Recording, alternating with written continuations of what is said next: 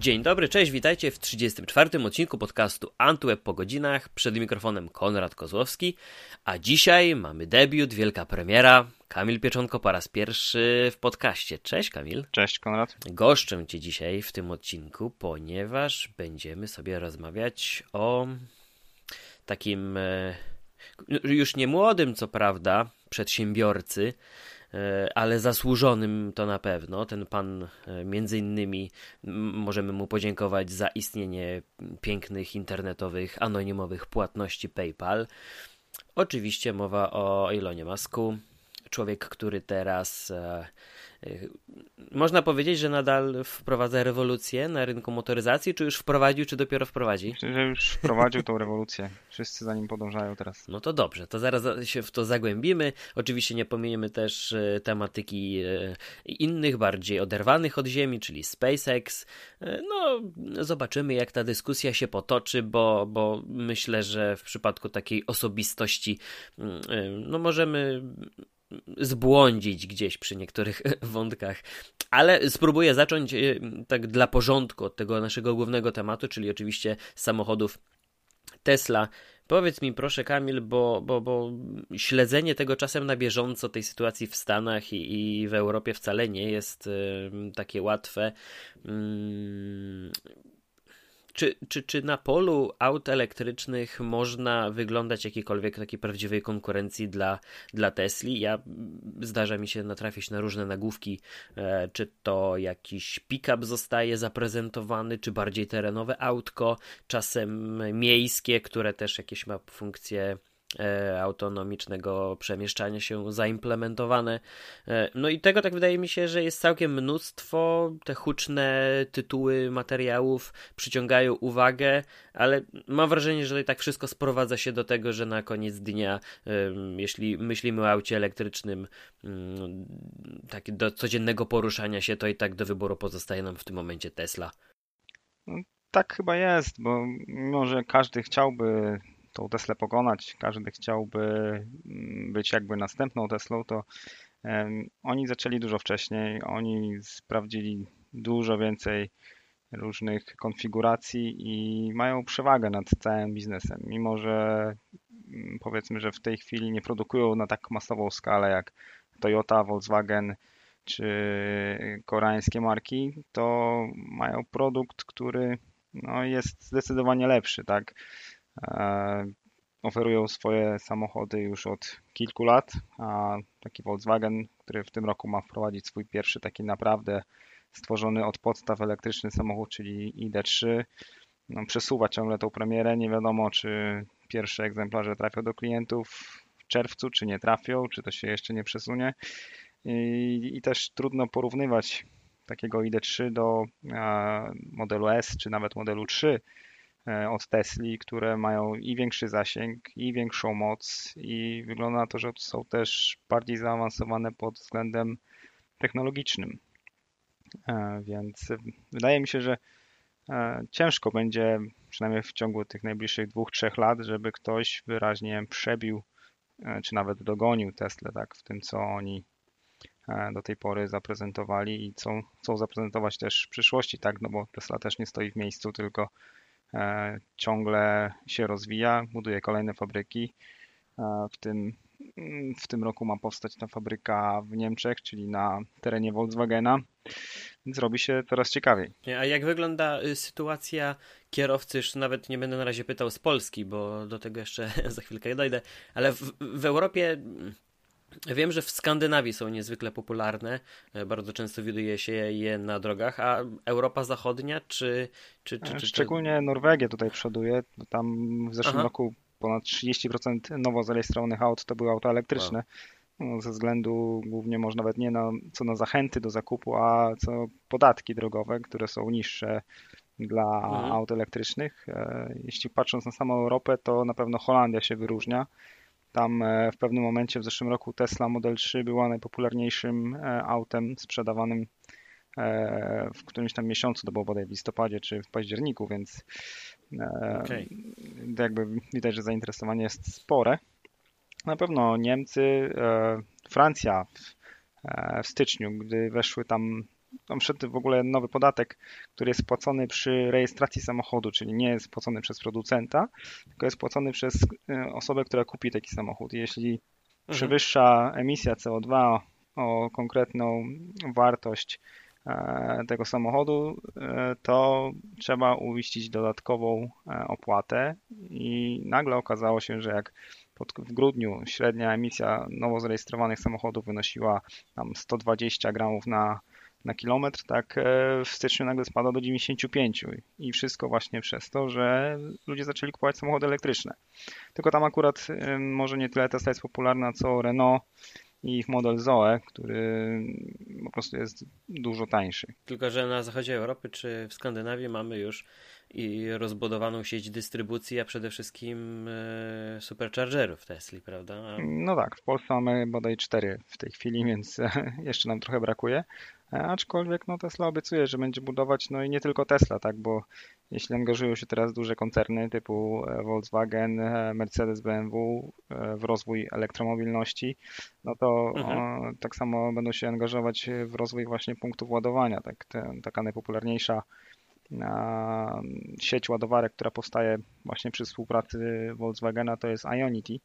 I to też będą e, punkty ładowania dużej mocy, gdzie będzie można dosyć szybko doładować taki e, elektryczny samochód. Więc e, myślę, że tu będzie wszystko zmierzało ku lepszemu, również w Polsce. No tak, ale to w takim razie mi się z tego wyłania taki obraz e, przyszłości, w której to właśnie któryś z tych większych koncernów e, zagospodaruje taki rynek jak Polska i kilka innych do niego podobnych prędzej niż Tesla. E, no pewnie tak, bo wiesz, u nas e, najważniejsza w tej chwili jest cena, tak? E, w tej chwili było dużo rezerwacji na samochody elektryczne, bo czekamy na to, aż rozporządzenie o dopłatach zostanie zatwierdzone, ale to rozporządzenie nie ma szczęścia, bo miało być już w listopadzie. Mamy luty i nadal nie wiadomo w jakiej wysokości nawet i na jakich zasadach będą te dopłaty przyznawane.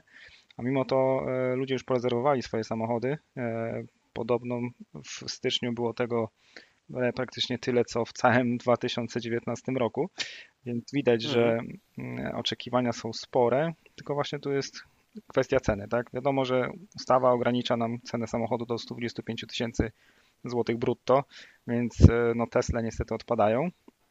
E, myślę, że Volkswagen ID3 mógłby być popularnym modelem, no ale nie jest jeszcze w tej chwili dostępny. E, zostają te mniejsze modele, jak na przykład tam Skoda, no właśnie, a jakie są? czy Renault Zoe, które jest specjalna wersja o obniżonej cenie, właśnie żeby się załapać na dopłaty. Tylko właśnie dopóki one nie zostaną jakby zatwierdzone, nie będzie można się o nie ubiegać, no to to jest tylko zainteresowanie na papierze. W sumie mało tak atrakcyjnie wygląda sytuacja y, kierowcy zainteresowanego autem elektrycznym w Polsce. W tak, razie. szczególnie jeśli nie masz możliwości ładowania samochodu w domu, tak? Nie masz garażu czy jakiegoś miejsca podziemnego, gdzie jest gniazdko, które można wykorzystać do ładowania, bo powiedzmy sobie szczerze, no, ładowanie na publicznych słupkach e, pewnie jest i wygodne, tylko że niedługo już nie będzie ani tanie, a i pewnie będzie też coraz trudniej, żeby zastać taki słupek wolny, e, nie zajęty przez innych. Co to znaczy nie będzie takie tanie? No, na przykład sieć Greenway, która ma tam swoją, swoje ładowarki, e, dosyć sporo ma w Polsce, za 1 kWh liczy sobie nawet e, ponad 2 zł. Gdy mhm. ładujesz prąd, prądem w domu, no to za kilowatogodzinę zapłacisz około 70 groszy. E, więc różnica jest dosyć spora. Aha, czyli właściwie tak, jeżeli nie mam garażu i nie będę ładował um, lokalnie, to, to, to, to, to, to jestem w kropce. Tak, na pewno nie będzie to tak tanie, jak, jak niektórzy się spodziewają, tak, że będą jeździć na prądzie za nawet za darmo, tak, bo jeszcze do niedawna e, było całkiem sporo darmowych ładowarek, zresztą nadal są utrzymywane przez samorządy na przykład, czy jakieś koncerny energetyczne. Tak było na przykład e, z Lotosem, który ma tam swój niebieski szlak na drodze z Warszawy do, e, do Gdańska. Jest bodaj 12 punktów ładowania, które jeszcze do niedawna były darmowe, ale właśnie od lutego są już płatne. Co prawda jest to tylko opłata jakby stała, niezależnie od tego, jak dużo energii pobierzemy. Tam jest bodaj 24 zł, ale no, pojawiają się opłaty i myślę, że tendencja jest taka, że no, na każdej ładowarce będzie trzeba zapłacić za tą energię, nie będzie, nie będzie darmowych obiadów. No dobra, czyli najlepiej teraz mieszkać w Warszawie, mieć działkę w Gdańsku i podróżować tylko na tej trasie. E, ewentualnie może nie, lokalnie. Może nie, bo to jeszcze są punkty, tak? Można ten samochód naładować nawet w takiej dłuższej trasie, czy to nad morze, czy, czy w góry, mhm. tak? Tylko wiadomo, jeśli chcesz się poruszać e, nawet lokalnie, tak? Załóżmy, czy po Warszawie, czy nie wiem, w jakiejś, szczególnie pewnie w jakichś mniejszych miejscowościach, gdzie tych punktów ładowania nie ma tyle, no to jednak o ile w ogóle tak, są. Tak, o ile w ogóle są, no to bez, bez możliwości ładowania w domu, no samochód elektryczny nie ma, nie ma sensu. Przynajmniej tak, tak mi się wydaje na ten moment. Aha, no ale tak jak wspomniałeś, tak naprawdę mamy dwa, dwa modele dostępne w, w salonach, które można gdzieś, gdzieś zakupić. A... No tak, poprawdzie jest chyba troszeczkę więcej, jest cztery, cztery czy pięć, tak, jeśli chodzi o te o załapanie się na dopłaty. E, tak, samych samochodów okay. można, jest trochę więcej, tak, wiadomo, że oficjalnie Tesli teoretycznie nie można w Polsce kupić, no ale można ją sobie zamówić w Niemczech czy w Austrii i sprowadzić do Polski. Można ją zarejestrować, mhm. z tym nie ma problemu. Mhm. E, tylko wiadomo, że no to już jest e, większy wydatek, tak, to dlatego może nie ma ich aż tyle na naszych drogach jak e, dajmy na to w Stanach. No, obiektywnie rzecz biorąc, czy jeżeli dysponujemy budżetem, to faktycznie e, te korzyści, które przynosi Tesla na tle pozostałych aut, e, będą takie znaczące w tym momencie? Czy, czy... Mm. No bo też mi się Mam za sobą seans króciutkiego, co prawda, bo dwudziestokilkuminutowego takiego dokumentu przez New York Times przygotowanym, który dotyczył zwolnień w bodajże dwóch czy trzech takich większych fabrykach e, GM'a, który właśnie przechodząc na te nowsze technologie, podkupując kolejne startupy e, i, inżynierów, e, będzie zwalniał, zwalnia i zwolnił no, pokaźne liczby osób pracujących w tych fabrykach. E, no i widać, że ten trend chyba tak jeszcze bardziej odczuwalny stanie się dla, dla każdego łańcucha e, społeczeństwa, dla każdej warstwy tych, którzy tymi samochodami jeżdżą i tych, którzy nie jeżdżą tak naprawdę. Ale ciężko mi teraz troszeczkę tak w to uwierzyć, jako taki obserwator zupełnie z boku, że, że, że, że żaden z tych koncernów nie byłby w stanie tej Tesli dorównać pod względem technologicznym. No tutaj jeszcze wracając do tych zwolnień, to mm, oczywistym mhm. jest, że one nastąpią w branży motoryzacyjnej, bo produkcja z aut elektrycznych jest łatwiejsza niż aut spalinowych. Tam jest mniej komponentów, one są jakby łatwiejsze do montażu e, i nawet e, ostatnio bodaj Mercedes też zapowiedział zwolnienia e, związane właśnie z przejściem na, czy tam elektryfikacją swojej gamy modelowej, bo po Ach, prostu nie słowo. potrzeba tyle, tyle osób, wiem, można więcej procesów zautomatyzować i no, myślę, że to jest nieuniknione i, i to jest też pokłosie właśnie tej popularności aut elektrycznych. A na pytanie, czy mm, te duże koncerny będą w stanie technologicznie dogonić e, Tesla, no, na to można odpowiedzieć dwojako, tak? Jeśli chodzi o sam napęd, baterie, pewnie tak, bo Tesla nawet nie ukrywa jakby tych technologii, z których korzysta, dzieli się swoimi patentami i zachęca wszystkich do rozwoju i baterii, i silników mhm. elektrycznych, mm. więc na tym polu e, jakby konkurencja jest jak najbardziej możliwa. Ale jeśli chodzi o technologię na przykład jazdy autonomicznej, czy tego ich autopilota i funkcji przyzywania samochodu i tak dalej. E, wydaje mi się, że tutaj są dosyć e, daleko przed konkurencją. Zresztą ostatnio nawet pojawił się jakiś artykuł e, japońskich, mm, japońskich inżynierów, którzy twierdzili, że komputer centralny w samochodach Tesla jest mniej więcej 6 lat przed ich technologią. Czy nie będą w stanie mhm. jakby powielić takiego rozwiązania o takiej mocy w ciągu najbliższych 6 lat, więc e, no to jest szmat czasu w technologii. No, po prostu w tej chwili wydaje się, że Tesla jest lata świetlne przed wszystkimi, jeśli chodzi o e, autonomiczną jazdę czy inne funkcje związane z tym poruszaniem się po drogach, ale na ile to jest prawdą i czy tak będzie faktycznie, czy niektórzy, nie wiem, dajmy na to e, Volkswagen czy Toyota nie, nie skrywają w swoich laboratoriach jakichś technologii, którzy, które mogliby wdrożyć w miarę szybko. Ciężko powiedzieć, tak na pewno na pewno nad tym wszyscy pracują, ale jak to będzie wyglądało w praktyce, trudno powiedzieć. Tym bardziej, że to wszystko działa w Stanach. Tam są bardziej liberalne e, przepisy. Jeśli chodzi o Europę, mm, ja jeszcze nie widzę przez najbliższe kilka, może nawet naście lat, aby pojawiły się u nas samochody autonomiczne, bo jednak jest zbyt wiele niewiadomych i proces homologacyjny w Europie jest dużo bardziej skomplikowany, zanim takie, mm, taka funkcja zostanie dopuszczona do publicznego użytkowania, to minie jeszcze dużo czasu. No tak i chyba też kwestia jest, e, mimo że e, na terenie Ameryki Północnej mamy kraj podzielony na 50 stanów, to chyba ta cała infrastruktura drogowa jest w miarę taka spójna. E, natomiast no w Europie no to jest dosyć no, różnorodne, no, się, chociażby to, nawet oznakowanie. To też, więc... to też jest z pewnością jakiś aspekt, który warto wziąć pod uwagę czy ewentualne błędy Kurczę, szkoda. w oznakowaniu, które u nas e, nadal się zdarzają. u nas mówisz o Polsce? Mówię o Polsce. Mówię o Polsce. Chociaż pewnie Polska nie jest ewenementem. No i ciągle zmieniające się przepisy. No, choćby dajmy na to ostatnio w Holandii mm, ma spaść prędkość maksymalna na autostradach z 130 do 100 km na godzinę, przynajmniej czasowo, mhm. bo mają zbyt wysoką emisję CO2. Ciekawe tylko właśnie na ile, tak jak powiedziałeś, bo to czasowe, więc co, tak. wyrównają słupki i, i, i wrócą do poprzednich wartości? Ciężko powiedzieć, czy może po prostu w innych branżach, wiesz, bo to jest jakby to jest bardziej skomplikowany temat emisji no jakby całego kraju, który musi można podporządkować nie tylko samochody, ale też e, inne branże gospodarki. Przemysł, tak, tak. I jakby osiągnąć tę redukcję emisji innymi sposobami. Jak to będzie wyglądało w praktyce, ciężko powiedzieć. Te kierowców jest najłatwiej uderzyć, bo przecież kto będzie dyskutował z tym obniżeniem prędkości? To można uzasadnić z grylami bezpieczeństwa. Przecież przy przy 100 km na godzinę na pewno będzie bezpieczniej niż przy 130. Taki koronny argument.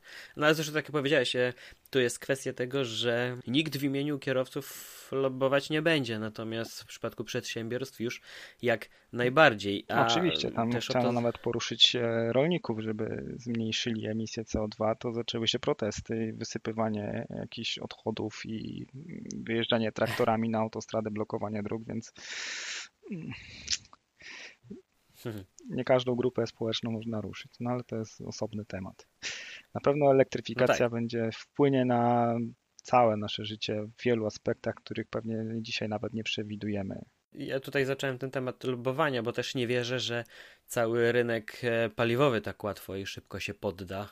E, myślę, że za kulisami się bardzo dużo dzieje w tych kwestiach, my nawet o tym nie wiemy. Też, to też mi się wydaje, że no, firmy paliwowe to są przede wszystkim firmy energetyczne. Tak? Tą energię elektryczną z, z czegoś trzeba wytwarzać. No, na ten moment e, mhm. wytwarzamy hmm, pewnie tej energii sporo z atomu, z elektrowni węglowych w Polsce, czy tam gazowych na świecie e, ale no, też rośnie jakby wytwarzanie energii z źródeł odnawialnych być może część z tych koncernów po prostu przerzuci się e, na budowę, nie wiem, farm wiatrowych czy elektrowni słonecznych i jakby porzuci swój, e, swój podstawowy model, przynajmniej częściowo. No, na, na, na ten moment to może tylko ograniczyć, tak? No bo też nie oszukujmy się, no myślę, że jeszcze dobre 10 lat minie, zanim naprawdę te samochody elektryczne wejdą na dobre, mm, na nasze, wiadomo, na dobre, na nasze drogi. Nie mówię tu nawet o Polsce, tylko o Europie, tak. No, pojawiają się pomysły za zablokowania sprzedaży samochodów spalinowych tam od 2035 czy 2040 roku w niektórych krajach, ale mm, nie wiem, czy to nie jest po części myślenie życzeniowe. No, ciężko w tej chwili mhm. wyrokować, jak to się skończy. Myślę, że do takich krajów jak Polska to, to, to i tak będzie docierało przez minimum kolejne 2-3 dekady, nawet do tego terminu, o którym wspomniałeś. Nie mówiąc już o jeszcze słabiej rozwiniętych krajach niż Polska, gdzie przecież yy, no, tacy tradycyjni, powiedzmy, powiedzmy to, yy, użytkownicy aut no nieprędko w ogóle nawet zaczną interesować się nowoczesnymi autkami napędzanymi elektrycznością zamiast, zamiast paliwa, więc no to jest długotrwały proces. Mam tylko nadzieję, mam tylko nadzieję, że, że, że cała ta taka rewolucja no, no odbije się też nie tylko pod jednym czy dwoma względami tak pozytywnie, ale, ale też i wpłynie pod, pod nie wiem, na przykład w kwestii też bezpieczeństwa, bo mimo, że wszystkie te dzisiaj sprzedawane auta spalinowe z klasycznymi silnikami, już te systemy rozwinięte do prawie chyba granic możliwości posiadają, to jednak Yy, tak, gdy zastanawiałem się, o czym dzisiaj będziemy w ogóle rozmawiać, to też byłem ciekaw, może gdzieś na ten temat coś przeczytałeś, może coś wiesz. Jestem ciekaw, jak w ogóle wygląda perspektywa, czy ktoś się zabierał za coś takiego, jak zbudowanie właśnie takiej um, uniwersalnej, powiedziałbym nawet, sieci aut połączonych, e, co miałoby nie wiem, nawet pomóc w uniknięciu jakiejś stłuczki czy, czy, czy wypadku. Takie, takie rzeczy w ogóle, w ogóle nawet w obrębie jednej marki, teraz Tesla czy jakichkolwiek innych, są brane pod uwagę? E, tak, e, jest nawet już przygotowany specjalny interfejs e, Car2X się to nazywa i to jest w tej chwili na pewno we wszystkich autach Volkswagena, całego koncernu, czyli tam Skoda, Seat, Audi. Taki interfejs będą mieć te samochody i to ma umożliwić jakby właśnie komunikację i między samochodami, ale też między infrastrukturą uliczną, tak? Czyli tam docelowo mogą być e, w ten sposób podawane informacje, że jakiś samochód wykryje uścisk koła, czyli zaraz poinformuje samochody wokoło, że może być ślisko. E, może wysłać taką informację do jakiegoś odbiornika, który jest na słupie z sygnalizacją świetlną, który przekaże jakby dalej taką informację. Można tutaj też jakby synchronizować prędkość samochodów e, w kwestii czerwone-zielone, czyli tak, tak zwanej zielonej fali. E, będą samochody się komunikować z sygnalizacją świetlną i podawać informacje, z jaką prędkością powinieneś jechać, żeby na następnych światłach się nie zatrzymywać, tylko przejechać na e, zielonym, aby nie tracić to energii i tak dalej. Więc takie pomysły już są, na pewno będą rozwijane, są już testowane. Tutaj gdzieś w Stanach Audi ma ma już e, w którymś mieście, nie pamiętam, chyba w Seattle właśnie coś takiego e, testuje w tej chwili, ale to ma być na, jakby na globalną skalę rozwijane, e, przynajmniej ten interfejs CartoX i myślę, że on będzie zaadaptowany przez większą liczbę producentów samochodów. Aż miło posłuchać, przyznam szczerze. Tak, tutaj, tutaj właśnie też łączność 5G ma odegrać dosyć dużą rolę, bo no wiadomo, na krótkich dystansach i odpowiednia przepustowość i przede wszystkim e, jak najmniejsze opóźnienia związane z tą komunikacją są istotne. I to no, powiedzmy, że ma szansę zadziałać. No, pomysły są, e, są świetne, na pewno e, gdyby takie funkcje się pojawiły, to byśmy na tym skorzystali, również pod względem bezpieczeństwa, ale pewnie też i komfortu przemieszczania się. Jeżeli chodzi o sygnalizację świetlną, to ja bym chciał raczej szerokiego wprowadzenia liczników przy, przy, przy, przy sygnalizatorach. To, to, to, to też by było całkiem pomocne. Ja nie wiem, dlaczego, dlaczego to nie jest na szeroką skalę wprowadzone. No, być może nie na wszystkich, oczywiście, skrzyżowaniach, ale na tych takich kluczowych, gdzieś na głównej trasie, no to no ja tak naprawdę nie dostrzegam może nie żadnych, ale takich znaczących wad takiego rozwiązania. Kiedyś trafiłem na jakiś artykuł na ten temat i tam był podjęty argument, że to jakby nie zwiększa przepustowości, więc nie ma, jakby nie ma z tego korzyści, że pojawi się licznik. To tylko wpływa na świadomość e, kierowców, że ok, wiedzą kiedy to światło zgaśnie albo się zapali, ale też może prowadzić do takich sytuacji, że ktoś widzi, że zostało tam 3 sekundy i specjalnie przyspiesza, żeby się zmieścić e, w tym czasie, no, przekraczając powiedzmy prędkość na przykład. Więc e, to na pewno nam daje jakby tak lepszą, wiadomo, chcesz wiedzieć, kiedy to światło się zmieni, zapali i możesz się przygotować na przykład do tego, A, ale podobno w praktyce no nie, nie zauważa się przynajmniej na ten moment jakichś większych korzyści z takiego rozwiązania. Nawet w kwestii bezpieczeństwa? Nawet w kwestii bezpieczeństwa. Ciekawe. No nie wiem, ja wolałbym wiedzieć, bo znaczy oczywiście taka sytuacja, o której wspomniałeś jest jak najbardziej kusząca, bo, bo gdy nawet nie 3, a nawet te 5 sekund zobaczysz, to no to naciśniesz na gaz, żeby właśnie złapać ostatnie sekundy zielonego światła, natomiast z drugiej strony mm, wiedza na temat tego, że gdy będę dojeżdżał nie redukując prędkości do skrzyżowania, e, brak wiedzy na temat tego, że nastąpi zmiana świateł, myślę, że takich sytuacji każdy kierowca miał już e, czy w ciągu roku, czy nawet w ciągu dekady prowadzenia auta e, całkiem sporo i moim zdaniem jest to no, takie mało przyjemne Yy, no, mało przyjemna chwila, w której trzeba podjąć decyzję właśnie, czy przyspieszam po to, żeby nie spowodować jakiegoś zagrożenia yy, dla aut z tyłu, czy raczej próbować wyhamować. No właśnie, a jeszcze musisz wziąć pod uwagę, co zrobi osoba jadąca przed tobą. Czy ona stwierdzi, że te dwie sekundy to już za mało i zacznie hamować, a ty będziesz w tym czasie przyspieszał i jak to się skończy. Więc yy, Czyli niewiedza jest błogosławieństwem w tej Pewnie kwestii. tak, no dlatego to rozwiązanie na przykład z e, kartu X, e, które miałoby podawać jakby nie czas do tych świateł, tylko prędkość, jaką powinieneś zachować, żeby przejechać na tym zielonym świetle, wydaje mi się sensowniejsze, tak? Tylko wiadomo, że no jest to już bardziej zaawansowane niż zaimplementowanie licznika, który będzie sobie tam wisiał przy sygnalizatorze i pokazywał cyferki. Nie, no jasne, tylko tutaj mówimy, że to też musi być um, wdrożone na poziomie i całej tej Oczywiście. infrastruktury drogowej, plus jeszcze w autach. Natomiast takim myślałem, że właśnie krokiem pośrednim ku temu będą nawet liczniki, takie, takie dość prozaiczne rozwiązanie, ale ja liczę, że może się kart odmieni, albo, albo, albo coś innego wymyślą w, e, w tej kwestii. Mm, ale odbiegliśmy od tematu Tesli, no ale jak już się rozmawia o motoryzacji, to ciężko, ciężko nie, nie, nie poruszyć tego, co nas na co, na co dzień jeszcze dzisiaj spotyka. Mhm. E, natomiast e, chciałem trochę odfrunąć od, od ziemi, bo wiem, że skoro już wyszliśmy od takiego mm, czułego bohatera naszej dzisiejszej opowieści, jak Elon Musk, to wiem, że szykują się całkiem znaczące wydarzenia w świecie SpaceX, czyli drugiej firmy naszego szanownego przedsiębiorcy. Tak, to jeśli chodzi o SpaceX, to faktycznie zapowiada się bardzo ciekawy rok e, z wielu względów. Myślę, że najważniejszym wydarzeniem będzie lot załogowy na Międzynarodową Stację Kosmiczną na, w kapsule Crew Dragon. E, w tej chwili robocza data ustalona jest na 7 maja.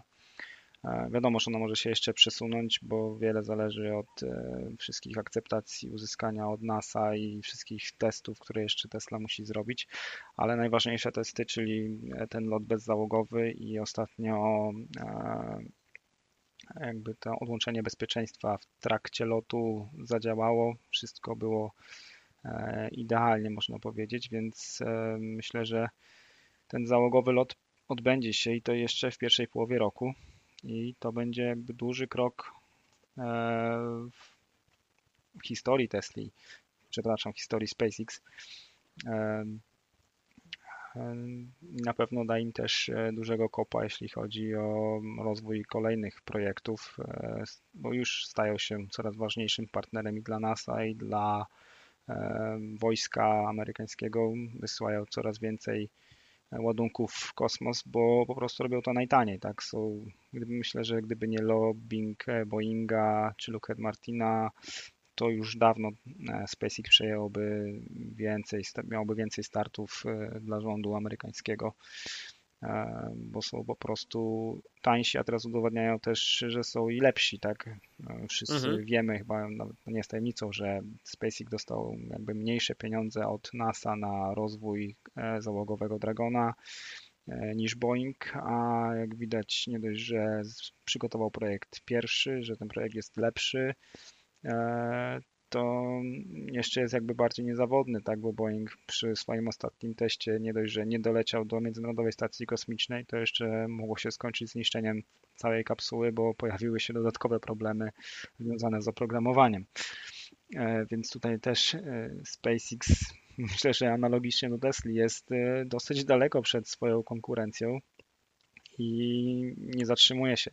Można się było podśmiechiwać e, z tego, że Starship, projekt Starshipa, dużego statku kosmicznego, e, to jakby mrzonki, które Elon sobie wymyślił i raczej nigdy ich nie zrealizuje, a on e, ciągnie to wszystko bez żadnych, bez żadnego jakby ociągania się, tak ciągle coś się tam dzieje.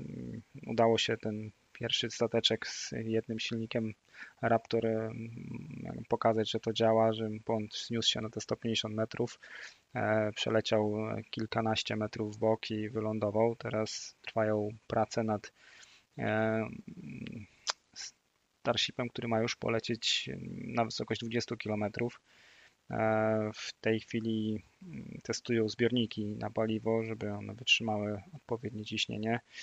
E, myślę, że to jakby będzie kluczową kwestią i mm, w tym roku jest bardzo prawdopodobne, że zobaczymy takiego Starshipa, który sobie e, wzniesie się na te 20 km.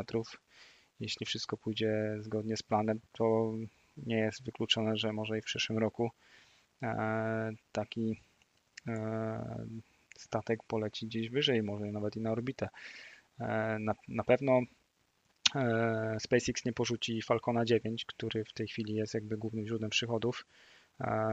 Pewnie może czytaliście na Antywebie bodaj 18 lutego, czyli we wtorek, e, firma Space Adventures, która wysyłała w przeszłości już milionerów na Międzynarodową Stację Kosmiczną przy pomocy statków Soyuz, podpisała teraz umowę z, ze SpaceX i będzie organizowała loty w kosmos na pokładzie Crew Dragona.